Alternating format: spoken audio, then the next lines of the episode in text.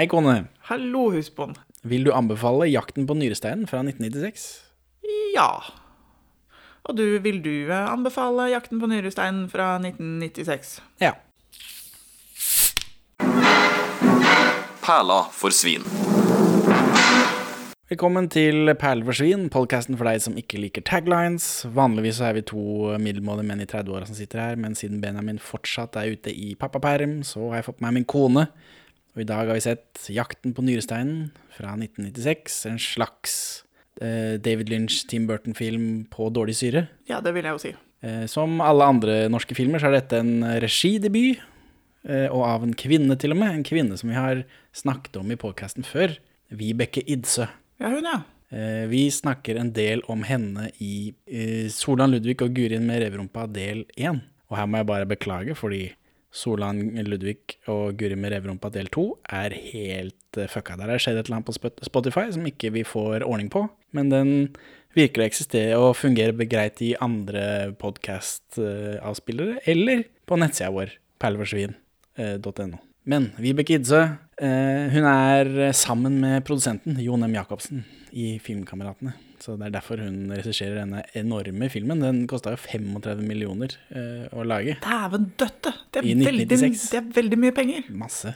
Og det, og det, det syns på en måte også. Ja, den er veldig forseggjort. Den er dyr. Hvor mange tror du så den, da? Hvor mange som jeg tror så den? Jeg vet ikke hvor mange mennesker som bodde i Norge en gang i 1996. Sett av ca. 400 000 personer. Altså wow! kino. Så du den på kino? Jeg så den på kino som barn. Jeg husker at eh, jeg var og så den på kino som barn. Det var veldig flott. Det var eh, Jeg husker det så godt at jeg husker eh, liksom karakteren og historien og Nei, den, den gjorde inntrykk. Jeg har ikke sett den på kino, men jeg har sett den mye på VHS. Så dette er, er, det er barneminner. Ja. ja, det, ja. ja. Det er en ordentlig film, vil jeg si. En mye mer ordentlig film for barn enn mange andre. Det er ikke bare tøys. Hva mener du med det? Ja, jeg mener at en del andre barnefilmer ikke mm, ser ut til å stille særlig høye krav til seg selv, hva angår eh, at det skal ha liksom innhold, at det skal være logisk, at det skal henge sammen. Camilla og tyven, for eksempel, som vi har snakket om før, den var helt Jeg ufattelig lang. Altså, jeg er sinna på Camilla og tyven fordi den skuffet meg så inderlig dypt inn i sjelen. Eh, på en måte, selv om Og det er jo, jeg, er jo, jeg er jo glad i Camilla og tyven, så den uh, må jeg jo bare ha et ambivalent forhold til resten av livet, dessverre. Slik, uh, slik blir mitt liv. Men Ja, jeg merker det at første, de første par scenene, så, så setter de opp masse greier. Og så kommer det tilbake senere. Og tenkte jeg, wow, dette er jo sånn man lager film. Det er jo helt utrolig. Ja, det er veldig Det er veldig Det, det går liksom en rød tråd, og det er mye, det er mye som er eh, gøy med den filmen. Ja, eh, tilbake til Camilla og tyven, og så er det nesten som om det at du treffer den slemme tanta hennes, og at det er jul i de første scenene, skulle ha noe å si senere i filmen. Litt sånn. Ja. For det gjør det jo ikke der. Mens her eh, så er det liksom Bestefaren spiser peanøtter, de, de forteller at han har fått blod av noen dansker, og alt dette kommer jo tilbake, selv om det er ikke det er ikke enorme plotpoeng, men de dukker opp, da. Så det Ja, føles det ut som det er en en- ordentlig film. Ja, det føles ut som en ordentlig film, og det er eh, noen som har brukt huet mens de har laget den. De har ikke bare latt uh, mulighetene renne ut i sanden. De har uh, humor rundt dette her. Og det er jo også en litt ålreit uh, tematikk, syns jeg, for det handler jo litt sånn om følelser også. Om denne bestemoren som ikke fikk leve så lenge. Eh, det syns jo jeg er veldig flott. ja, ja, det er eh, Det er nesten som det er en ordentlig, ordentlig film. Ja. Vibeke Idse har også regissert 'Løvekvinnen', som kosta 80 millioner kroner. Oh, wow. eh, Og tjente nesten ingen verdens ting. Så Nei, men 'Løvekvinnen'? Men- og- ja. En Ja, for- dame med masse hår i ansiktet. Ja, ja, ja. Den er ikke så gammel. Nei, men den der uh, Løvekvinnen, den, uh, den uh, så jeg traileren til. Den traileren den varte et sted mellom to og tre minutter, og da hadde jeg sett hele filmen. Og så jeg trengte aldri å se den. Nei, det, det kan hende. Den har iallfall tapt utrolig mye penger. Men så er det også sånn at Jon M. Jacobsen finansierer filmene sine på en måte hvor de alltid går i underskudd, så han ikke må betale tilbake noen penger til noe filmfond og sånt. Så, Det er jo kjempelurt. Sånn ville jeg gjort det også. ikke sant. Jeg så bakomfilmene til 'Jakten på nyrestein'. Jeg har jo DVD-en her, og det følger med noen bakomfilmer. Og det er, det er veldig viktig for alle disse som snakker om det, at dette er en film eh, med liksom De har eh, ambisjoner, og, og, det er veldig viktig at alle er norske, da. De som Sjefene er norske, alle er norske kors på halsen. Og så alle, alle de har intervjuet med, er ikke norske. Så jeg, så jeg vet ikke det er litt sånn Den Guri med revrumpa også, der, der, er jo liksom Regien er norsk, og så er alle disse som tegner, er noe østeuropeere og sånt noe. Så de har liksom satt bort det meste. Men uh, det er en dame som heter Vin Burnham, som, har, som kaller seg Special Effects Costume Designer, som har designet eh, draktene de har på seg i denne filmen. Ja, er, de, er, de, og de er veldig fine. Ja, Hun har også designa Batman-drakten. Nå fikk jeg ikke med meg akkurat hvilken, det sa hun ikke, men hun sa Batman-drakten. Og det er jo en tre, om ikke det er fire Batmaner som har vært allerede. Det får en si. Og hun har jobbet på Brasil, en annen film som folk setter høyt. Som jeg personlig syns er ganske kjedelig. Så der fikk dere den, filmsnobber. Ja, for jeg har ikke hørt om den engang. Filmsnobber. Ikke sant. Kostymene er støpt i lateks. Vanligvis når eh, man lager film i Norge, så gjør man det på JAR, for der er det filmstudio. Men eh, for denne filmen så var ikke studio på Jar stort nok, så de har lånt en hall i Slemmestad. Så dette er filma på Slemmestad. Og hvis ikke jeg tar helt feil, i vår podkast-episode om tomme tønner, så tror jeg Benjamin forteller en historie om noen som lager film, og i forbindelse med den filmen så må de kjøpe inn masse sukker. Og så kommer politiet, da, for de tror de driver med, med hjemmebrent. Jeg tror Benjamin visste ikke hvilken film det var. Jeg lurer på om ikke han presenterte det som det var en studentfilm eller noe sånt. Nå, jeg. Det eneste er at sukkerprodusenter i Norge har en tendens å si fra til politiet når Når noen stjeler en lastebil. Var det du som fortalte meg den fun facten? Høres ikke sånn ut. Ja, det var da en av våre lyttere faktisk som har fortalt meg den fun facten. Han er en fin fyr. At uh, norsk politi ble tipsa om at noen hadde bestilt noen tusen kilo sukker. Og gikk på razzia i et lite industrilokale utenfor Tønsberg. Og det er for at de antok jo at det skulle være noe storstilt spritproduksjon, da, siden noen skulle ha så mye sukker. Men nei, de kom inn på et amatørfilmsett hvor noen skulle bruke sukker som erstatning for snø i en sekvens. Norsk film, fun fact, dere. Det hørtes seigt ut.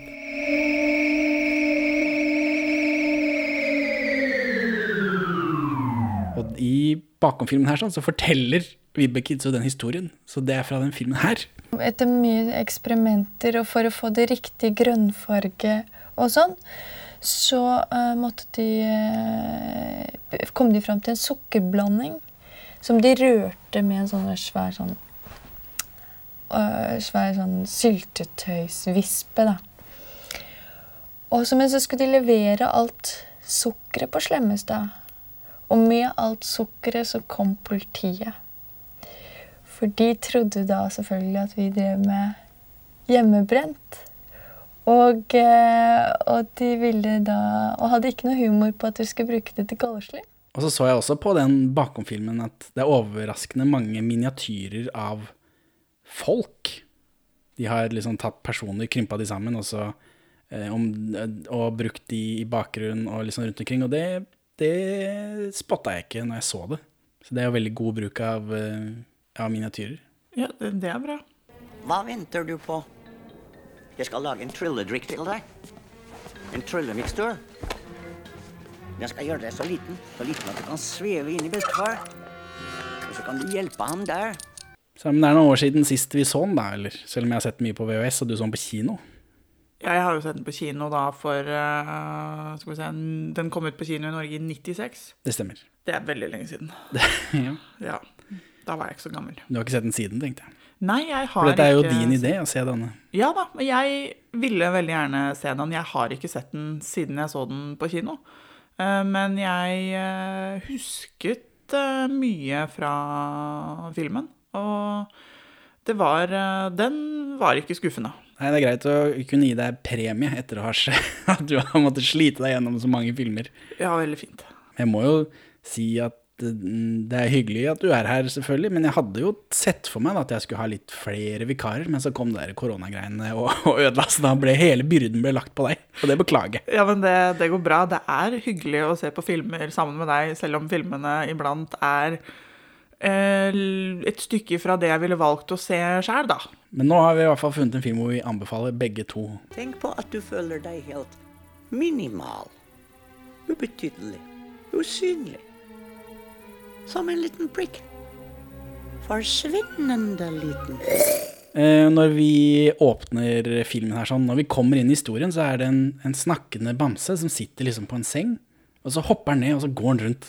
Toralv Maurstad. Ja, stemmene Toralv Maurstad med amerikansk eh, aksent. Veldig flott, altså. Men akkurat den effekten, de åpner med kanskje Nå er det mye bra effekter her, men det er sånn Det er jo effekteffekter. Du skjønner at dette er ikke sånn Det, det skal ikke presentere noe virkelig Nei da. inni kroppen og alt det greiene der sånn. Mens den her, nå er vi ute i den virkelige verden, og den bamsen hopper ned og beveger seg liksom på jeg håper å si bamsete vis. Det er en sånn gammel teddy, så den har jo ikke den har litt begrensa bevegelighet, mobilitet. Og når jeg som voksen person ser dette, så skjønner jeg jo at dette er en liten person i en drakt, og så har de bare scala opp settet. Men bare at de, men det var så bra, da. Overraskende bra.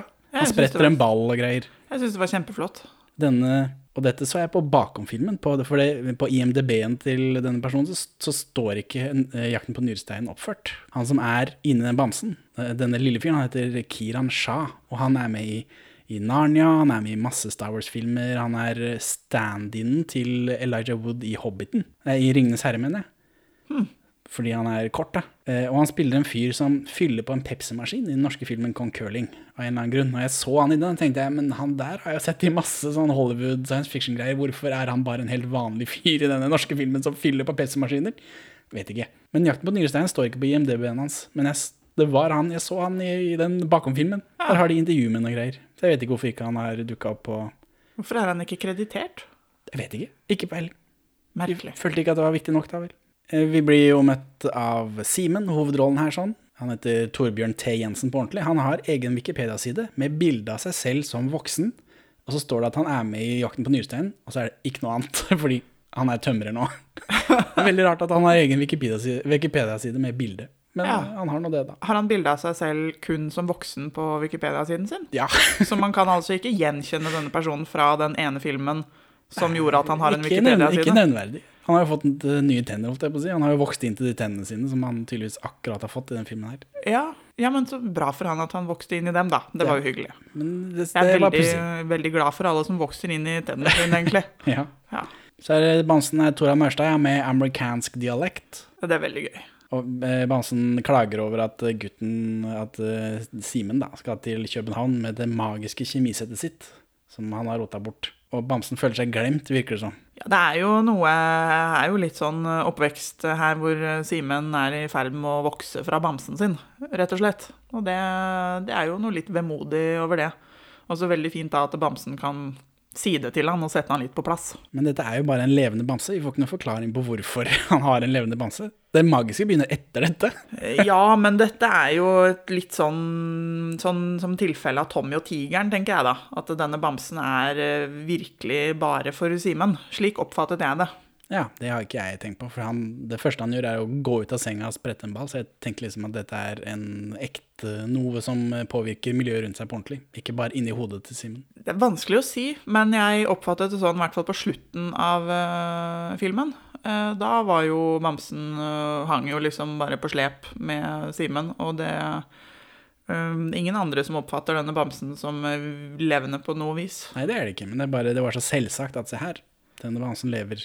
Ja, jo da. Ikke tenk på det. det. Dette er ikke historien, faktisk. Det, den bamsen har ikke noe med det å gjøre, egentlig. Det er bare setter i gang. Ja. Bamsen er jo veldig klok, så det er jo bamsen som setter, setter alt i gang her. Ja, for den er jo veldig gammel. Den er fra 1800-tallet eller noe sånt. Det er en sånn Den ordentlig teddy. Ja. Eh, Men eh, Simen er hos bestefaren sin, de skal til København.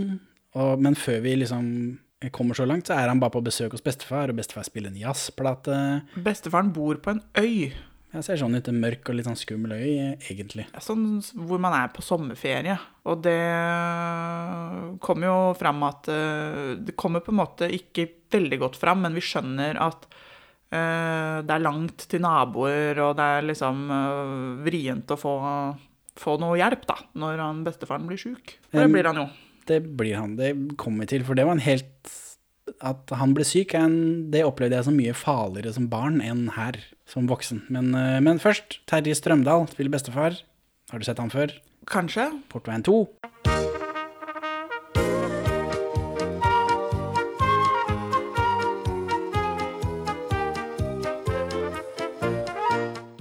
Ja, men det er hyggelig. Ikke Jarl Goli, han andre. Nei, altså, jeg må bare da legge til at broren min bor i Portveien 2. Ja, han gjør det. Ja, altså ikke i Portveien 2, da, men han bor i en kolonihagehytte der hvor de lagde Portveien 2. Det er ille koselig. Hvor gammel tror du Terje Strømdal er her? Han spiller jo bestefar. Gammel mann. 63 Han er 44. Dæven døtte! Det er av det vi ser nå, som er en sånn flashback til 1959, hvor han spiller saksofon og bestemor er der, og sånt, hvor han er en relativt mye yngre mann. Ja, Så må de det de age han opp i resten av filmen. Ja. Jo, men da må jeg jo si det har de gjort veldig bra. Ja, Som barn så la jeg ikke merke til det, men klart nå er jeg ikke barn lenger. da. Men du la ikke merke til det, du heller. Jeg tenkte overhodet ikke på det, men eh, jeg ser jo ikke så mye film som deg, og jeg ser ikke så mye film med et sånn halvproft eh, utgangspunkt. Jeg, jeg lar meg jo bare lure, for at eh, det er liksom det filmen skal gjøre. Jeg har ikke som fag å prøve å gjennomskue lureriet, så jeg har ikke reflektert over at han er veldig gammel eh, i en del av filmen, og at vi ser liksom tilbake på at han var ung. Uh, ikke falt meg inn i det hele tatt å tenke på det. For sånn er det på ordentlige filmer. da. Der er jo folk bare unge og gamle om hverandre. Og så tenker ikke jeg på at dette er vanskelig å få til, eller at dette koster mye penger, og gud a meg, og norsk film og sånt. Så flott og flinke de har vært. Eh, men det skjønner jeg jo at de har vært, da. Så, men vi får en liten sånn bestefar spiller litt saksofon, og så er det noe greier om at bestemora har pleid å synge, og så spiser bestefar noen peanøtter og noe sesamfrø eller solsikkefrø og noe greier som han setter litt til halsen. Stemmer. Og så får vi høre at bestefar falt av scenen og måtte få blod av en danske i Danmark en gang. Og Ja, alt dette- jo om det. Alt dette er jo ting som kommer tilbake senere. Det er jo akkurat som å se en ordentlig film. Ja. Og så er, altså, så er det natta, og så sover bestefar og, og Simen i samme senga. ja, det er jo også litt sånn rart, men da får jeg kanskje en følelse av at de er på hytta eller noe sånt nå.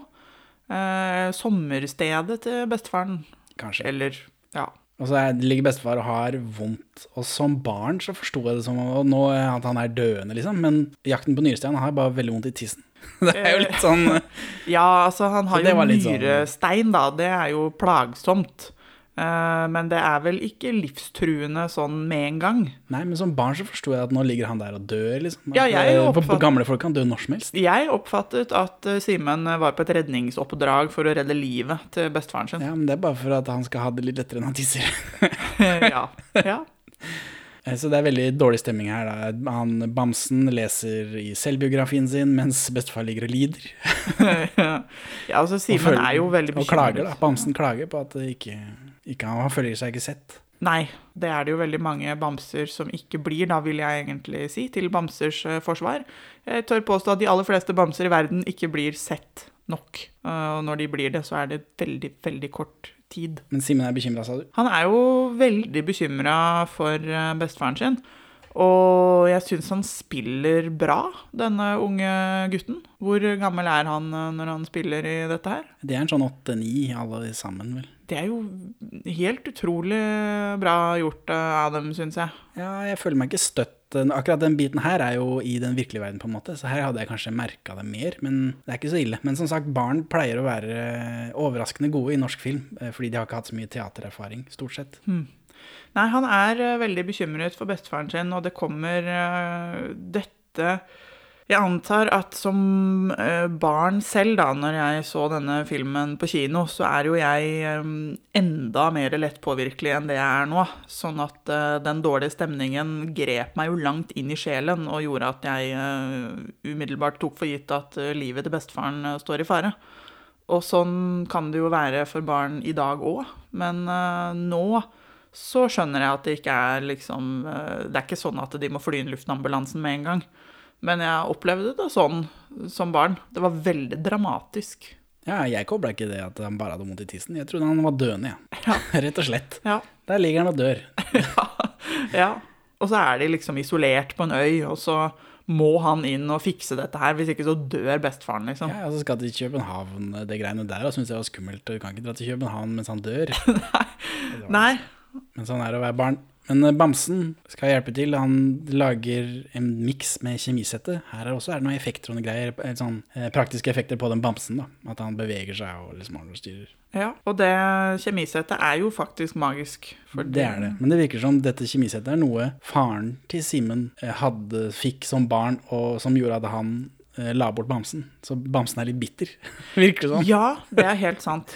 Det er mye, det er mye bamsegreier som eh, ikke har noe med resten av filmen å gjøre, på en måte. Det Ja. mye, vi får mye backstory på den bamsen. Jo, vi gjør det. Samtidig så syns jeg at uh, Bamsen sier noe vesentlig om at uh, barn skal tillates og tillate seg å være barn. Ja, det gjorde ikke noe. Det er, det, har, det er riktig tematisk. Ja. I motsetning til mange andre filmer som bare har med ting. Ja. Nei, jeg syns det Jeg syns at eh, historien til Bamsen er eh, passende. Men åssen går dette med den Han lager en sånn kjemimiks, hva skjer da? Eh, Simen blir jo veldig liten, da. Ja, først så bare får han en poff med glitter i trynet, og så ja, skjedde ikke noe. Nei. Skuffa. Og så, når han som minst venter det, så blir han bitte liten. Ja, og da blir han så liten at han som bitte liten havner oppå bildet av eh, bestemoren sin, som har havnet på gulvet. Ja. Og da må han hoppe ned fra kanten av bilderammen og ned på bildet. Og da får vi et veldig godt uh, inntrykk av hvor liten han er blitt. Og Simen hopper inn i munnen til bestefar, og det her er skrevet at det er ikke noe å ta på effektene. Alt er liksom gjennomført og, og bra. Ja, Det er, eh, det er uvant å se. Ja, nei, det er uh, veldig det er, Ja, det, det, det er veldig, veldig realistisk. Ligner ikke på Karius og Baktus i det hele tatt. Nei, nei, nei, det kunne du egentlig gjort. Det hadde vært eh, kjempefint. Retro.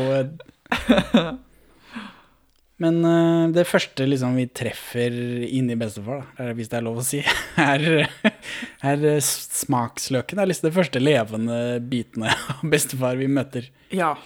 Og de sitter jo inni munnen der, sånn, altså, er de skumle, eller var de skumle da vi var små? Nei. For de er litt sånn ubehagelige til å begynne med, før vi liksom får vite at de gjør jo ikke noe. Nei, og de, det som er med smaksløkene, er jo at eh, de sitter jo fast, i motsetning til en hel del annet inni kroppen som beveger seg rundt. Så de smaksløkene er vel bare mest litt sånn ekle fordi man plutselig skjønner at de er der, da.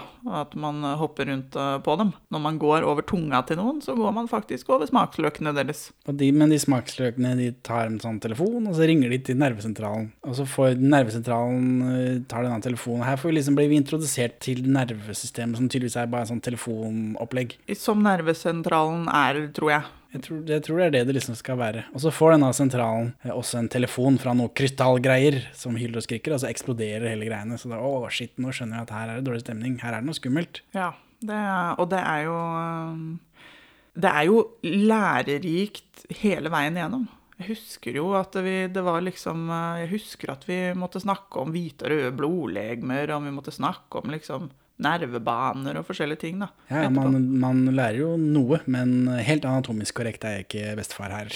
Nei, ikke helt. Ikke helt. Og det tror ikke det fins telefoner inni kroppen. Nei, men når dette nervesentralet eksploderer, så bestiller hodet et nødskrik, og det blir liksom ikke noe greie på det. Og her blir vi introdusert for dette skrikegreiene, at det sitter en sånn orgelfyr nede i stemmebåndet og, og ordner. Han sitter og lager skrik og lyd. Ja. Så, men, eh, men Simen hører synging inni munnen der sånn. Og det, og det er Karta. Han er veldig tøff. Karta er veldig tøff og veldig sinna. Det hvite blodlegemet. Ja, han er en eh, litt sånn eh, Altså, jeg husker at uh, vi hadde noen sånne gutter i klassen Ja, ja. som alltid var veldig sånn tøffe i trynet og snappy og lett irritable, og det, det var liksom du ville, du ville ikke gå i veien for dem, for plutselig så kunne de finne på å lugge, eller det, det var liksom alltid et eller annet. Han er litt sånn. Vet du hvem det er, da? Kjenner hun igjen? Det er litt, uh, han har jo mye greier på seg, og han er åtte. Uh, jeg jeg syns jo trynet er kjent, men jeg kan ikke si hvem, hvem det er. Det er Benjamin Helstad, som uh, han spiller i Kongen av Bastøy, blant annet. Å, å ja. Og nå tror jeg han spiller i Unge lovene eller et eller annet. En eller annen sånn hipp eh, ungdomsserie som ikke jeg har sett. Ja. Han måtte droppe ut av Teaterhøgskolen fordi han fikk eh, hovedrollen i en ordentlig film. Heia Norge. ja. Å ja, du kan ikke gå opp til alle timene dine på Teaterhøgskolen fordi du spiller film, nei. Fordi du utøver det yrket du utdanner deg til. Nei, da kan du dessverre ikke være med mer. Nei, det var han som Nei, han fikk ikke være mer på skolen, han. Ja, han ble kasta ut der fordi Han han, spilte ikke- i Kongen av Bastøy, og da ble Stellan Skarsgård sinna. Men jeg lurer på om ikke han kom inn igjen året etterpå, eller noe sånt. Jo, men han måtte søke på nytt. Ja, det kan De holdt ikke plassen for han, tror jeg. Jeg aner ikke. Jeg bare mener det var noe sånt. Hmm. Så. Og Simen forklarer da at han er inni her Han er inni bestefar for å uh, Fordi han bestefar er sjuk, vi må liksom ordne opp i dette. Og så gråter han verdens falskeste tåre. Ja, det er vel eh, Det er noe gråting i denne filmen som jeg syns ikke er eh, helt det, det, det er ikke like velgjort som eh, alt det andre. Karta er vel også inne og gråter en falsk tåre eller to, tror jeg. Men Jenny Skavlan, som vi møter senere, hun gråter på ordentlig. Ja, hun, men hun kan, hun kan jo gråte. Som åtte-niåring, tydeligvis. Men for å være med videre, så må Simen må vaske seg I spytt. Ja, æsj. Det, det husker jeg som barn, at det var ekkelt. Men de legger ikke opp til at det er ekkelt, men det er jo veldig ekkelt, da. Nei, jeg syns ikke det var ekkelt i det hele tatt, for det er jo helt åpenbart bare vann. Jeg syns det var ekkelt. Eh, jo, men Det altså skal man- være spytt, jo. Jo, Bruk men- fantasien din, da. Ja, men han der karta skal jo være et hvitt blodlegeme. Det er liksom ikke digg, det heller, da. Tråd på smaksløker. Det er ingenting ved det her som er digg, så jeg syns ikke at det å vaske seg i spytt som ser ut som en sånn liten fontene med vann, er eh, ekkelt. Det var liksom så aktivt, tror jeg. Du må, han driver og tråkker, han gjør det liksom med vilje. Han kler seg nesten naken i alle dager. Han, han har bare pysj på her. Ja, men han har jo kommet inn i kroppen uten å vaske seg, og det skjønner jeg jo at det kan man ikke. Du skjønner det? Ja, jeg skjønner det. Og det er eh, Karta, det hvite blodlegemet, som sier at han må skrubbe seg. Han er jo litt streng. Veldig streng. Og så går de bare av gårde, og så blir vi introdusert til den, dål, den dårlige ånden. Og det, han er liksom en sånn skurk som forfølger en gjennom hele systemet. Jeg tror jeg har ikke dårlig ånden i magen, har vi det? Jeg tror ikke alt den dårlige ånden kommer av alt det der rare som foregår i kroppen vår. Så. Jeg vet ikke, Det er veldig dramatisk, iallfall, den dårlige ånden kommer. Og så sprayer han disse smaksløkene så de dauer, liksom. liksom. Ja, det er, eh, den dårlige ånden er kjip. Men altså, av alle kjipe ting man kan ha i kroppen, så er jo den dårlige ånden eh, ganske sånn lett å lage et bilde på da, når man lager en film for barn. Og mye hyggeligere enn mye annet fælt man kan ha i kroppen. Ja, Det er jo en skurk, da, men de har kalt den Den dårlige ånden. Og da, nå som voksen så tenker jeg det er jo rart at han skulle følge etter dem gjennom hele tarmsystemet, liksom. Men, eh, Ja, det er rart. Jeg er enig i at det er rart. men jeg Som- skjønner at de trenger en skurk. Det er ikke det. Nei, og det er bedre enn kreft, liksom. For kreft kan også forfølge deg rundt gjennom hele kroppen, men det er, blir ikke like barnevennlige filmer av det. Vi får også høre at karta heter Karta hvite blodlegemersen. Ja. Det har jeg ikke plukka opp før. Nei, det kunne jeg ikke huske at han hadde et, uh, hadde et etternavn. Og så kommer de ned til han der eh, som driver og spiller uh, skrik og sånt noe, Uh, i, ned i, i luftrøret der sånn. Altså. Or organisten. ja, på stemmebåndet. Og så driver han karta spekulerer i at bestefar har hjertesorg fordi han har kjerringa hans er dau. Så tenker jeg nei, han har ikke det, han har bare veldig vondt i tissen. det, er liksom, det er mye mindre dramatisk. Ja. Ja. Men det sier de ikke, selvfølgelig, da. Nei, og til å begynne med Altså, vi som er voksne, vi skjønner jo, vi vet jo hva en nyrestein er. Men dette var et mysterium for meg da jeg så denne filmen på kino. Det var ingen som hadde forklart meg hva nyrestein var. Jeg visste knapt hva en nyre var. Ja, nei, jeg visste det jo ikke, men, men det er rart å velge det som destinasjonen, på en måte. Nyrestein kunne vært så mye annet. Jo, men nyrestein er vel kanskje akkurat så ufarlig at du kan lage barnefilm om det, da, og samtidig lage, det, lage litt drama rundt det. Jeg er sikker på at jeg kunne klart å finne noe annet. Og fotsoppen. Jakten på fotsoppen. Da må de dra langt. Ja, da, det blir jo en veldig lang film, da. De kaller meg Karta. Karta? Mm. Karta Hvite blodlegemusjen. Ansatt i Kroppens Kartverk AS.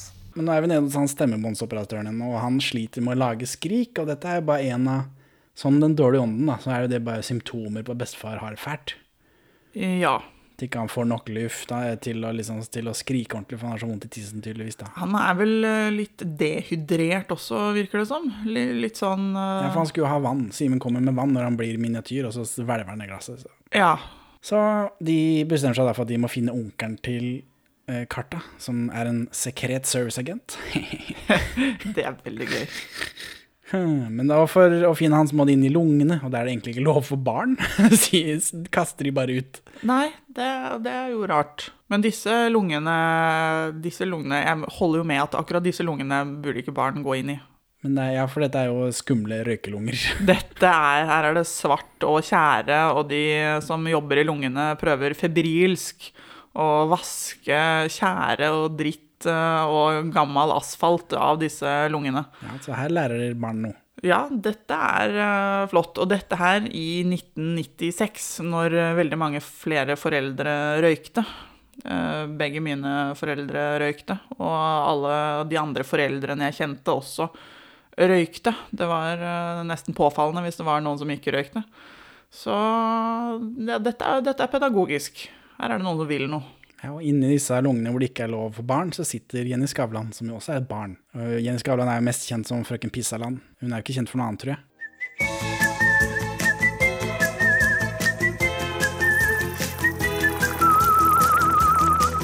Frøken Pizzaland, frøken Pizzaland, du er så bra. Jenny Skavlan var på audition eh, til denne filmen, og så ble hun vraka da, for de fant vel ikke at hun var bra nok. Men så drar regissøren, da, Vibeke Idsøe, drar til legen, som tilfeldigvis er Jørgen Skavlan. Hei! Og da jaggu tror du ikke at Jenny fikk enda en audition på magisk vis, og så fikk hun rollen. Men det var bra. Det var jo veldig pussig, da. Det er nesten som om Nesten som om det hjelper å hjelper Kjenner folk. Det er et mysterium hvor all denne røyken kommer fra. Hun heter da Alviola. Hun er et rødt, legeme som sitter, rødt blodlegeme som sitter inni lungene. Jeg er ikke helt sikker på hvorfor hun sitter der og husker. Inni Nei. lungene. Eh, Det, jeg vet ikke om eh, røde blodlegemer eh, Altså, vi har jo blod som sirkulerer rundt i lungene, da. Altså, blodet vårt eh, frakter oksygen fra lungene rundt omkring i kroppen. Så det kan jo hende at det er det hun eh, egentlig er der for. Men at eh, Det ser ut som hun får en vente på noe, er ikke det også? Vi får ikke noen forklaringer hvorfor hun er der. Men Nei, men hun må jo et eller, jeg. et eller annet sted må hun jo være. Og hun må jo være såpass i arbeids... Jo, men hun må jo være såpass arbeidsledig at eh, hun kan bli med disse to andre på eventyr, da. Ja, ja. Eh, Simen inviterer Jenny Skavlan med, men eh, Karta syns ikke det er noen god idé, så han blir sånn furt. Ja, han blir veldig, veldig misfornøyd. Han er en idiot, da. ja. Og så treffer de han sekret serviceagenten. Uh, han er spilt av Morten M. Faldås, som i podkasten er kjent som Roy Indiana. Intet mindre. Nei, han er med i Farlig farevann og masse sånn drittfilmer. Eh, Sweetwater og sånt noe. Ja. Uh, og her, han har sånn rar, svær frakk. Og så sier han her er alle liksom skurkene. Og så åpner han opp, og, og her, dette er eh, 100% digitalt. Det shotet som kommer der hvor de liksom sklir over alle disse ansiktene han har inni frakken. ja, ja, ja. Så det er ikke verst at digitale effekter så tidlig. Her sier de den bakom filmen at det var meningen at det bare skulle være postere, men så liksom, når vi først var her og har så mye penger vi skulle brenne, hvorfor kan vi ikke liksom gjøre noe nybrottsarbeid i tillegg? Det er jo flott da, når de har så mye penger at de kan gjøre nybrottsarbeid. Ja, eller om det er nybrottsarbeid, vet jeg ikke, men det er, i hvert fall, det er mer arbeid enn bare å ha plakater. Så her finner vi ut at de er ute etter salthoggere. Det er disse som er skurken nå. Det er disse som er bakteriene, eller eh, det er vel ikke, men det er dette som gjør vondt i kroppen nå. Det er de andre i fraken hans er både bakterier og viruser, tror jeg. Ja, nei, de får jo, får jo litt sånn clues til hva det er de har med å gjøre. Ja, de er veldig farlige. Det får vi inntrykk av uten at det det er jo bare de stopper tissen, da. Jeg vet, jeg vet ikke. Hvor farlig er nyrestein, egentlig? Eh, det vet jeg ikke, Men, Det er jo vondt, men folk overlever hver dag. eh, Ja da, de overlever jo, og så kan du helt sikkert eh, medisinere det bort. Går jeg ut ifra. Ja, nå kan de det. Jeg regner ikke med at vi alle må ha folk inni kroppen for å ordne det. Og så går, går de tur da, i blodårer, antar jeg, og så kommer det noen sånn mer digitale effekter. Det kommer noen fuglegreier, testosteroner. Stemmer. Og da kniser de godt av at det er sånn som eh, gjør at mennesker blir glad i damer. Og det her husker jeg. husker jeg. Ja, for det har gått meg hus forbi. De kan ikke jeg huske i det hele tatt. Ja, det er en veldig spennende effekt. Ja. Så, men nå skal de til hjertet, da. Ikke helt sikker på hvorfor. Det er jo ikke der disse salthoggerne er, men eh, det er vel på vei til tissen, da. Så må du gjennom hjertet. Fra lungene til hjertet, og så til tissen. Altså, Du begynner jo i munnen, og så kommer du til lungene, og så Jo da, det er, det er jo Så logisk. Det, så er det galler og mage, og så tiss. Ja. Og eh, for å komme inn til hjertet, så er det to sånne vakter, blant annet Herborg Krokkevik. ja, det er morsomt. Og hun der fra 20 spørsmål. Ja, Helen Vikstedt. Nemlig. Eh, Og det her må de avlegge ed om at de elsker han eh, De kaller han gamle ørn, da, bestefar. Også, men så driver disse vaktene de er, er de rasister? Fordi hjertevakt de stopper Simen, da, for han er jo helt tydelig Han hører ikke til her. Eh, Og så vil de sette han i bur, så ikke han tar jobbene deres. Ja. Og så slipper vi han inn, så har vi det gående her. Da kommer de én etter én etter etter. Og de Ja. Ikke sant? Ja. Og de der formerer seg. Det, det, det har det De tar opp alle jobbene våre. Nettopp. Ja, det vet jeg ikke om Det skjer ikke noe mer, men jeg er ikke helt sikker på hvorfor de er så rasistiske. Nei, Det er ikke noen fare for at Simen i pysjamasen sin tar jobben til dette hjertelegemet. Eller hva det er for noe. kanskje de er litt usikre? Jo, men det var rart. Rart, rart. Men hvis de, hvis de har som jobb å liksom vokte hjertedøren, da det er eh, Ja, jeg vet ikke om det er en jobb som er så kritisk at uh, kanskje de rett og slett føler seg litt sånn utsatt. Kanskje de har en dårlig fagforening. De vil i hvert fall sette Simen i bur så ikke han tar jobben deres. Og når vi kommer inn i hjertet til slutt, da får man få lurt seg inn. Så det tror jeg ikke er bra å ha små barn i hjertet. De. Nei, det bør man vel kanskje Men det bor jo andre folk der også, det er kanskje ikke så nøye. Det bor jo voksne damer inne der også, så det er vel ikke så nøye for han. Nei da. Og det, det bor jo kjentfolk der. Ja, men her er det mye spenstige effekter inni hjertet. Det, for det, hele den bakgrunnen liksom, den dunker. Jeg trodde først det var at de hadde tegna det, men det har de ikke. De har lagd en sånn modell, og så eh, har de digitalisert det, så den ristinga er digital. Og så oppå der igjen så har de jo eh, i, I det fjerne så får vi se denne dronninga hjerte, eller prinsessa hjerte, eller hva det var for noe. Og, og det er jo en ekte person igjen som de har klippet inn. Ja, for det er jo dronningen. Dronningen bor jo nær i hjertet. Ja, det er mye greier. Mye greier og effektive effekter. Og så får vi vite om denne nyresteinen av et sånt orkester som spiller i hjertet. Ja. Og det er jo jeg Hjertekammerorkester. Hjertekammerorkester. Ordspill. Ja. Veldig flott. Men eh, ja, jeg vet ikke om det er sånn at en eh, nyrestein eh, gir seg eh, utslag i andre steder i kroppen, da. At andre steder i kroppen faktisk kan vite at det er en nyrestein. Det For virker som det er såpass mye ubehag at det går utover alle. Det kan jo Ja da. Det er dårlig stemning i kroppen til gamle Ørn om Ja, vet du hva, det er faktisk det, altså. Ja. Og det er enda godt at eh, Hjertekammerorkesteret skjønner eh, hvor skoen trykker. Og så fra hjertet så går det via eh, noe slimete greier. Eh, jeg har skrevet en slimete blodåre eller noe, men de ender jo i et sånt slimbad med galle, da. Ja, så da er det Jeg vet ikke hva, jeg vet ikke hva galle er for noen gang. Jo, de bryter jo ned fettet, da. Det er vel kanskje blodåre? Jeg vet da faen, jeg. Er det en blodåre full Er det noen magegreier? Jeg veit ikke. Vi får, vi får høre med en lege. Hva med sånn der eh, Vi har andre ting som sirkulerer rundt i kroppen òg. Lymfevæske. Men det er kanskje ikke det de driver med. Ja, ikke peiling. Det er gale, i hvert fall. Ja. De faller ned i dette slimete buret, som er, hvor det er mye sånn sukker i, den, eh, i det slimet. Ja. Og der er Kjersti Holmen, hun er veldig streng. ja, hun er sinna, hun. Hun er, eh, ja, hun er veldig, veldig streng. Ja, Benjamin, min vanlige eh, podcast-kompanjong, eh, han har en greie for Kjersti Holmen, tror jeg. Han er i hvert fall, jeg tror han er litt mer glad i henne enn en det som er vanlig. Å, men det er jo veldig koselig, da. Ja, I hvert fall i uh, En ganske snill mann gir han uttrykk for det. Ja, men eh, jeg syns jo også Kjersti Holmen er veldig flott. Og så, For hun driver og sjefer over masse andre rare grønnkledde menn. Eh, Litt myk, eh, sånn underdanige grønnkledde menn. De er litt tøflete, altså. Og han vi får se mest av, det er Lage Fossheim. Stemmer. Broren til Minken. Ja. Og eh, halvparten av The Ramones. Nei, halvparten av The Monroes, i hvert fall. The Ramones er det er han ikke. Nei. Vi vil ha kos. På plass. Full svei. Vi vil ha kos. Et fett liv. Nei. Og så vil vi ligge. Ja. For eh, fru Galle da driver og pisker de rundt Stemmer. disse gale folka. For hun, gallen bryter ned fett, så vidt jeg har forstått. Ja, og hun skal jo da Hun er jo der for å lage eder og galle. Ja, og det, da. Ja, så, så det er på en måte det hun Det virker som om den eh, gallen eh, er, eh, fungerer effektivt som gale. Fordi hun er der og lager eder og galle. Så må de, nå må disse to blodlegemene og den ene gutten sitte i det buret til de er blitt kvitt alt valpefettet. Og så klyper hun Ja. For det, hun, eh, ja, hun skal bryte ned fettet på dem, da.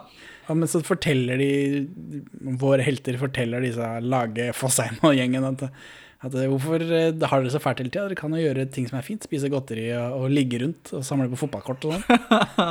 Ja, Dette var- slapp av. Ja, dette var veldig barnete. Det, ja, og det var eh, veldig fint. Så de, de- her gjenkjenner de at eh, disse her har i hvert fall en dårlig fagforening. Her må vi hjelpe dem litt. Her er det Ja. Det, for det blir, det blir ja, det blir opprør da, i gallen, og Kjersti Holmen spytter på Lage seg. det gjør hun. Eh, og mens dette står på, så rømmer Gutta Boys og Jenny Skavlan. Eh, og da får vi en sånn digital tunge på Kjersti Holmen. Ja, det stemmer. Så de sponser på seg, altså. Og fra gallen så går det tydeligvis til magen. Og her treffer vi inn disse peanøttene. Det er ganske tomt, men det er noen peanøtter her. Ja. Og jeg skjønner da at jeg har For at det- etter at jeg så denne filmen, så begynte jo jeg å ha Jeg hadde jo et slags bilde av hvordan magen min så ut når jeg var veldig sulten. Og da var det et sånt stort, tomt rom hvor det bare skrangla rundt eh, litt sånn eh, tørre riskorn eller eh, peanøtter, da. Og det sitter noen dansker på en hylle. De danskene på hylla, de var jo ikke i min eh, mage. For det, jeg har jo ikke fått eh, blodoverføring av en danske noen gang. Nei. Men eh, noen av de bildene jeg har av hvordan kroppen kanskje ser ut innvendig, de kommer da fra denne filmen. Har jeg hatt med meg hele livet. Ja, ja. Og så er det noen blodlegemer som de driver og husker på den svære peanøtten. Ja, de sitter og gynger på den. Men inni magen her så eh, treffer de Det er noen gamlinger inni der. Det fikk jeg ikke helt med meg hva det var for noe. Sitter hukommelsen hans i magen? For de hadde flytta fra et eller annet sted. De er veldig gamle veldig... det er tydeligvis sånn det blir når man blir gammel, kanskje. At de flytter liksom Kanskje det er en, et bilde på at uh, du kan eh, på en måte tillate deg å trøkke i deg hva som helst når du er ung, men uh, når du blir gammel, så må du ta mer vare på magen din, for den blir liksom gammel og skjør. da. Jeg vet ikke. Men det sitter iallfall en dement uh, gammel mann på en trone i, inni en krok i magen Ja. til eh, bestefar. Og her får de fram at uh, for å liksom bekjempe disse salthoggerne, så må de ha vann. Og så blir han gubben borte i Alzheimersen sin igjen, så da får de ikke vite noe mer enn det, da. Nå vet jeg hva det er. Gamlinger, vet du, de har veldig Altså, jeg har jo hatt mange gamle mennesker i familien min, og det de klager over aller mest, er jo at uh, tarmen ikke fungerer som den skal. Eh, så her er det et eller annet bilde av at jo eldre du blir, jo mer blir du eh, underlagt en eh, kjip eh, sjef, og det er eh, magen din og tarmen. Vi får også hilse på disse danskene, da, men de kommer jo ikke tilbake. Det er bare, De fyller ut verden, på en måte. Ja, og de, de, vi skjønner jo da hvordan det ser ut når man har fått eh, blodoverføring fra en eh, danske. Da har man litt eh, dansk blod i seg hele resten av livet, faktisk. Ja, De er jo veldig overbevisende dansker. De er veldig tjukke og spiser, og det er, det er det det går i. De er glad i røde pølser og øl, tydeligvis. Ja, som alle dansker. Selvfølgelig. Overbevisende dansker. Dere skulle ikke ha noe vann? Vann? Hvorfor alminnelig vann, når man har livets vann? Ja. Jeg Ja, en. Og så neste nå er det noe eh, De treffer noen tåretankoperatører. Dette her er folk du kjenner igjen, regner jeg med. Tåretankoperatørene. Ja. Da var det der Harald Eia dukka opp. Det er riktig. Hey. Harald Eia han spiller De glade tårene. Og så er det en podkast, Allstar, Gard B. Eidsvoll, som spiller den, De triste tårene. Ja. Ja, han er jo eh, broren til Eindride eh, Eidsvoll, som er med i At dere tør.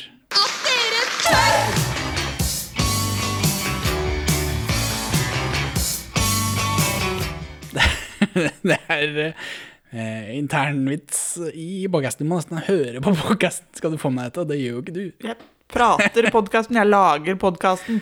Jeg, jeg gjør så mye for podkasten. Men så kommer den dårlige ånden igjen. Så nå har de liksom rota rundt her sånn, og så plutselig så dukker den dårlige ånden opp. Og da kommer det en sånn actionscene hvor de sklir på den peanøtten. Og ånden surfer bak dem på et solsikkefrø. og dette er jo nesten så de skulle lagd eh, sånn eh, fornøyelsespark av det. Hva syns du om denne scenen hvor de sklir av gårde? Husker du det som barn? Det var jo, så jo veldig spennende ut. Jeg husker ikke denne scenen som barn, faktisk. Det Ikke i det hele tatt? Nei, Yes. det, det har ikke festet seg.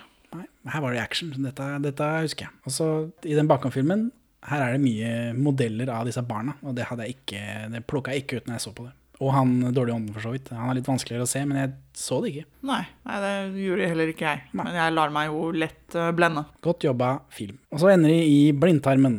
Ja, der er det jo veldig dårlig stelt. Altså, dette her er jo på en måte Jeg vet ikke hva det er, venterommet til Nav eller noe sånt noe. Der er det jo bare en masse arbeidsledige surrebukker som eh, ikke har eh, spesielt mye glede og innhold i livet sitt. Jeg vet ikke hva de skal være. Er dette blindtarmbeboere? Er det blindtarmlegemer? Er det det der? Det er vel Folk som bor i blindtarmen. De som Gjør ingen eh, verdens ting. befolker blindtarmen. Dette er jo bare for å illustrere at blindtarmen er en eh, blindvei. Her skjer det ingenting. Så de som er her, de har ikke noe jobb, de har ingen funksjon. De skal bare henge rundt her og kjede seg og ha det litt trist. Og det, her treffer du en gammel knerk da, som sitter her og er trist, og så sier Simen gang, du var med her, og du som liksom, du, nei, du gjør kanskje ingenting, men du kan, eller han, han sier vel at han gjør ikke noe, men han kan veldig mye, eller noe sånt noe, husker veldig mye, vet veldig mye, et eller annet sånt. Prøver å si at du har jo verdi likevel. Du kan jo komme du kan jo sette i gang og gjøre noe, da, selv om du ikke har gjort noe før i livet. Ja, vær med oss da, vel. Det er en slags moral her. Ja, og her er Carter en skikkelig drittsekk, og dette husker jeg, det var ubehagelig som barn. Her får jeg litt den samme følelsen som når Egon er sint eh, på Kjell i Olsmannen. Det, også, det også var ubehagelig for meg som barn. Ja, men jeg syns eh, det her eh, Jeg syns hele karta var ubehagelig. Som eh, barn så syns jeg han var litt sånn skummel og bidro til den litt lumske stemningen som var mye. Han var liksom uberegnelig. Det var ikke så lett å vite hvor man hadde han. Han kunne være så slem. Men i denne sklinga så har de mista tårene. Krise. Og så viser det at den dårlige ånden har dem. Og så Ja. for å få tak i dem, så går Jenny Skavlan ut, og så gjør hun en sånn spansk dans av et eller annet slag, og så begynner han dårlige ånden også å danse, og så er ikke han er, er ikke han den dårlige ånden helt som alle andre? Han, er han litt enklere enn andre? Det kan jo virke sånn. Han virker jo i hvert fall veldig lett å lede og distrahere, og står og danser for seg selv ganske lenge. Ja, mens disse våre helter tar tårene, og så stikker de. Men, Ja, For de har jo fått beskjed om at de må ha med seg vann, for da, da er det jo tårer, da. Ja, men det er rart at han, skurke, at han ånden skal være så skurkete og skummel hele veien. Og så å ja, du kan bare danse for han, og så begynner han å danse, og så er han bekjempa. Ja, men det, det gjorde de i Harry Potter også. Du spiller spille musikk for eh, den der eh, trehodede hunden, så bare alt ordner seg. Ja, men du gjorde ikke det for Voldemort. Nei, ikke Voldemort, men jeg har liksom en følelse her av at her er den dårlige ånden litt som den trehodede hunden i Harry Potter, og så er det nyresteinen som er Voldemort, da. Så da må du liksom eh, For den, det er jo noe liksom verre. Så når vi har fått tak i dette, så driver Karta med, med greiene sine igjen. Han er en dritt. Og da begynner Jenny å grine, og hun gjør det på ordentlig, og så stikker hun. Og det har jo kommet fram, for helt på begynnelsen eh, av filmen, når disse to gutta møtes, så gråter jo Simen, og da sier jo Karta at eh, folk som griner er det verste jeg veit. ja, han er Og fæl. det er jo på en måte ikke så veldig fint å si når noen gråter. Og når Jenny Skavlan eh, griner, så er det liksom eh, Så sier han det igjen, og så det, skal han liksom ha Simen med seg på dette her, da. For at uh, Simen også du, 'Er ikke du enig med meg?' Og, og nei, nei, da sier han at nei, det går greit når det er Alviola som gråter. Det gjør ikke noe, det. Nei, for at Simen er jo en grei fyr. Myk type. Ja, han Sånn. er jo en ordentlig person med kontakt med følelsene sine, og har eh, sikkert hatt eh, normalt eh, gode foreldre ute i den virkelige verden. Og en snakkende bamse som er veldig klok. Det hjelper nok. Ja, det tror jeg. Men de får jaga Jenny Skavlan, da, heldigvis. Ja. og da, nå skal de For da Nå er de nede i balla, tror jeg. Eller hvor er det disse urinstoppsamlingen sitter? Kanskje det er ikke i balla, det må være på utsiden. Det foregår andre ting i nøttene. Jeg er helt sikker på at du vet. Stuper du etter meg? Jeg vil ikke bade, sjø og tisse. Pyse. Vil du at jeg skal gå alene, nå?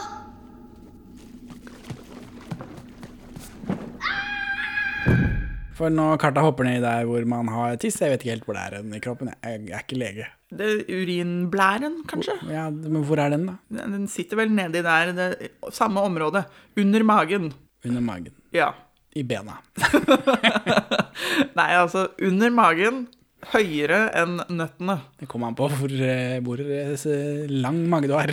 Så ille langt ifra nyrene, kanskje. Noen av oss har Som mage som går helt ned på knærne. driver Og det, det har vi også et eh, navn for. Brede Bø kalte det kjøttforkle. Jeg tror det heter det, gjør det ikke det? Det er mulig. Men det er iallfall tom for tiss. Krise. Og så får Karta noen kjærlighetstips av Simen nedi, nedi, nedi der. For da må de da må, nå, må, nå må de ta en alvorsprat. For nå er det liksom eh, ja. Simen, Simen sier 'prøv å ikke være en dritt hele tida'. Ja. Og så hører Jenny dette, for hun har ikke stikket allikevel. Den Nei, hun- lure, lurendreieren. Hun holder seg jo i nærheten, eh, så hun eh, får jo vite da at han Karta egentlig ikke mener å være så ille kjip dust hele tiden. Det bare blir sånn. For at Han er så ille forelska eller noe sånt. Nå. Han er så ille forelska, og så er han så usikker hele tiden, og da er det så vanskelig å være grei.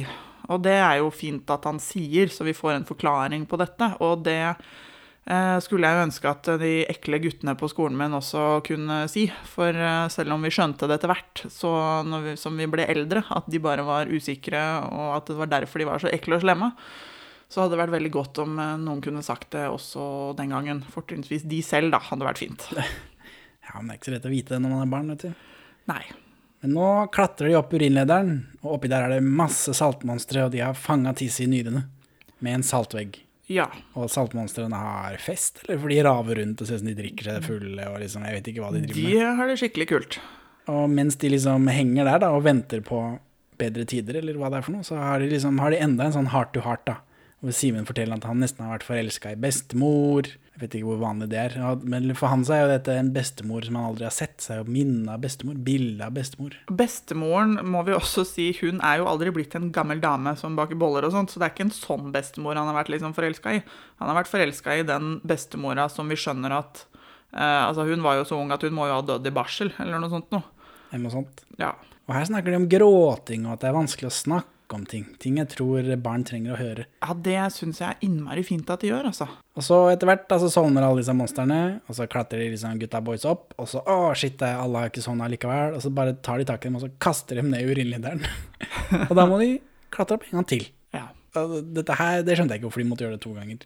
For det eneste som skjer, er at de klatrer opp en gang til, og så, så ligger de og sover, og så å, nå har vi sjansen igjen. Og så nei da, de, alle sov ikke allikevel, det var fortsatt en oppe, og da blir det liksom Nå, er nå blir slåssing, da. Det er nok for å mentalt forberede det veldig unge publikum på at nå er det fare på ferde, og nå skjer det ting her. For eh, det å bli kastet ut fra en sånn heart to heart om eh, hvor flott og fint og vanskelig det kan være å være forelska, til å skulle gå liksom i full nærkamp med saltmonstre, det krever en, en liten overgang der.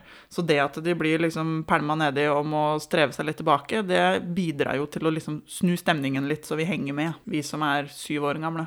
Ja, nå føler jeg liksom at eh, første gangen så følte at her er det fare for livet. Men det var det ikke, de blir bare kasta ned. Så hvis de blir tatt denne gangen her, så blir de også bare kasta ned igjen, så må de gjøre det en gang til. Ja. Det får jeg følelsen av da. Når liksom, for nå har du bevist, nå har filmen vist meg konsekvensen av å bli tatt. Å ja, det er bare du må gjøre det en gang til. Ja, men det er vel også derfor det er en barnefilm, og ikke har Den har jo ikke elleveårsgrense, f.eks. Jeg hadde sett for meg at disse monstrene bare gnafsa huet av Simen her. Gang, gang, gang. ja. Men nå er det noe skyting. De skyter med vann, og her er dette er en sånn Cirque du Soleil monstermassakre, har jeg skrevet ned. Hvor, det, hvor de hopper på trampoline, de snurrer rundt, det er liksom mye triksing og ordning. Og så når de liksom blir treffet med disse tåregreiene, så, så knuser de på gulvet, stort sett.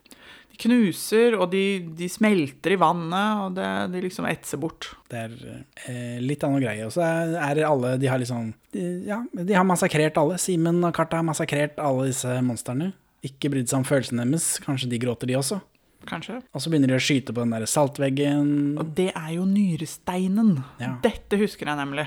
Dette var en skjellsettende opplevelse i min eh, barndom. Ja, eller kanskje før de begynner å skyte på den, så står de liksom med ryggen til, og da kommer det jaggu et monster til ut av nyresteinen. Og det er jo da vi skjønner at de, alle de kommer derifra. Og her blir de redda av han eh, gamlingen fra blindtarmen. Det hadde jeg ikke regna med. Jeg trodde det var Jenny Skavlan. jeg. Det, er liksom, det er jeg vant til å se. At eh, den ene som de jager ut eh, fra teamet, selvfølgelig følger hun bare etter, og så redder hun dem når de trenger det som mest. Ja. Men nei da, det er han andre gamle kneiken. Han var der. Ja. Så han da som Gollum har fulgt etter de oppover i urinlederen to ganger. ja. Så han redder de, og så er det noe Så skyter de vann på en salkveggen så den går i stykker. Og så, og så For de skyter, og så psh, begynner den der liksom å sprekke om det var en sånn demning. Det er veldig dramatisk greie. Og så crosscutter de det med bestefar som står og tisser. Det, også, det husker jeg veldig godt. Da husker jeg at eh, jeg skjønte da som eh, barn på kino hva denne nyresteinen var for noe. Eh, og da bare hadde jeg et sånt skikkelig aha-øyeblikk på kino. Jeg tenkte ikke at nyresteinen sitter i tissen, men jeg tenkte at den satt liksom litt før tissen, da.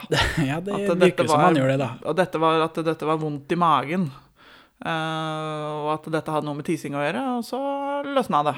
Da var det fint. Ja, men Nyrestein skal ut gjennom tissen, så vidt jeg har forstått. De, Eh, som- de som ja. driver med det.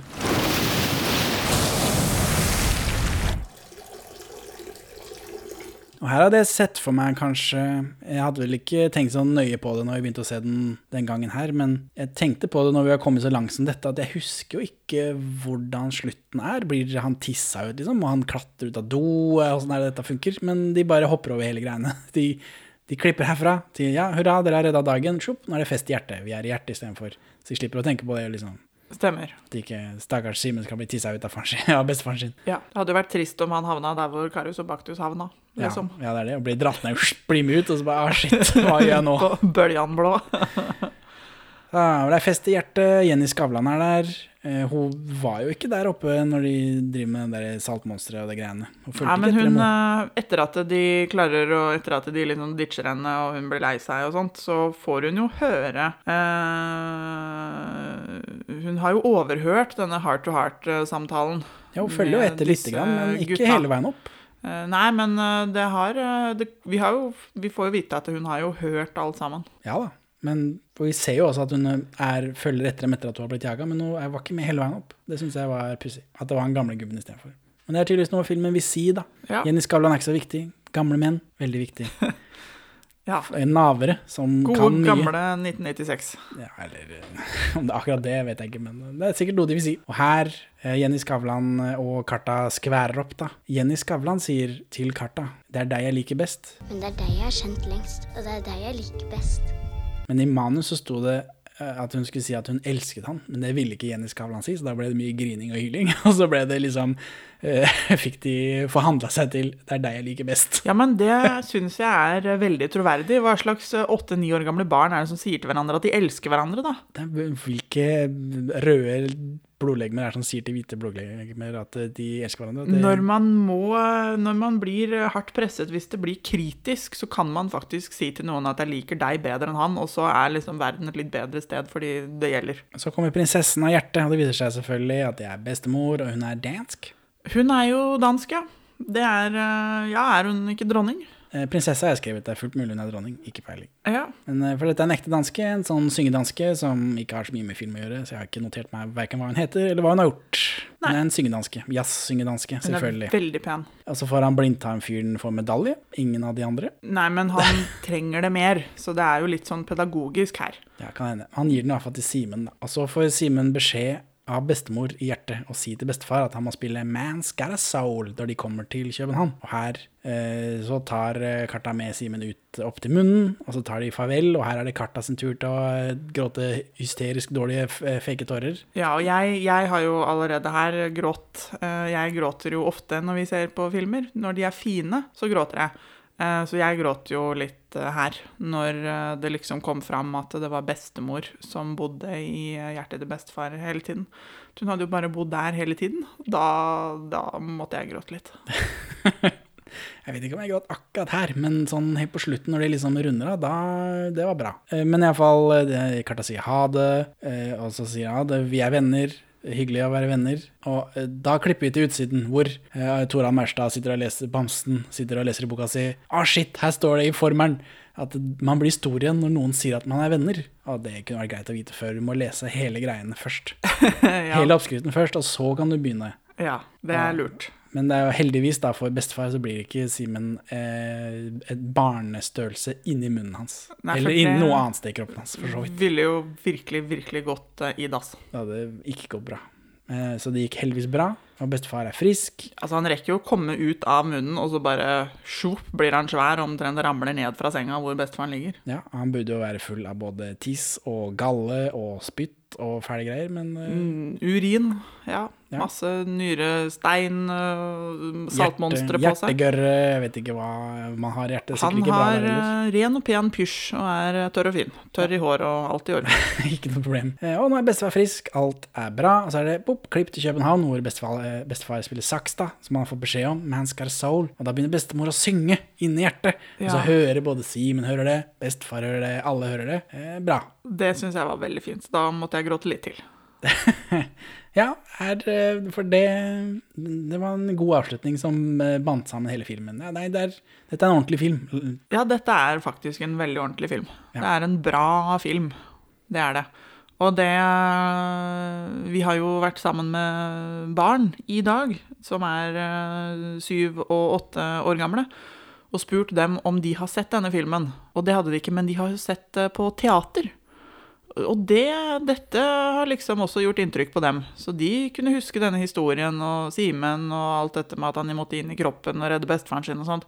Så det er jeg jo veldig glad for at eh, dette er eh, på en eller annen måte aktuelt eh, 25 år seinere, da. Ja, ja, ja. Så Kajsa, hvorfor vil du anbefale denne filmen? Eh, For det er en ordentlig film, og jeg er veldig glad for at det lages ordentlige filmer for barn, som er kvalitet, og det er vellaget, og det er med ordentlige effekter, ordentlige skuespillere, ordentlig historie.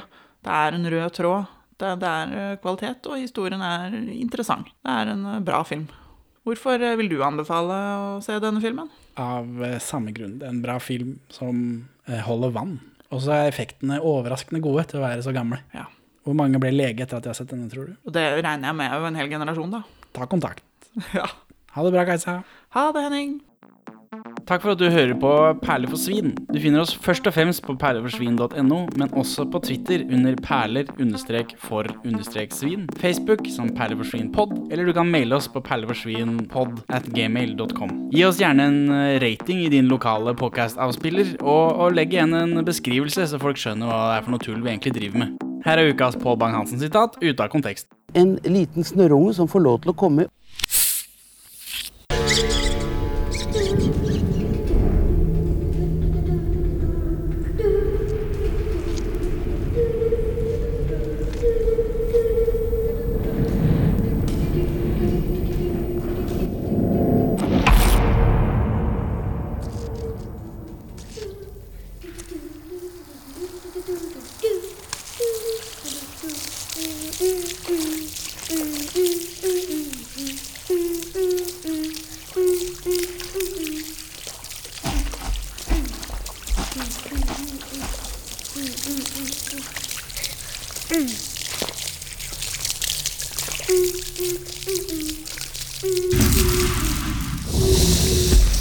heter iallfall Alveola. Hun er et rødt blodlegeme som sitter inni lungene. Jeg er ikke sikker på hvorfor hun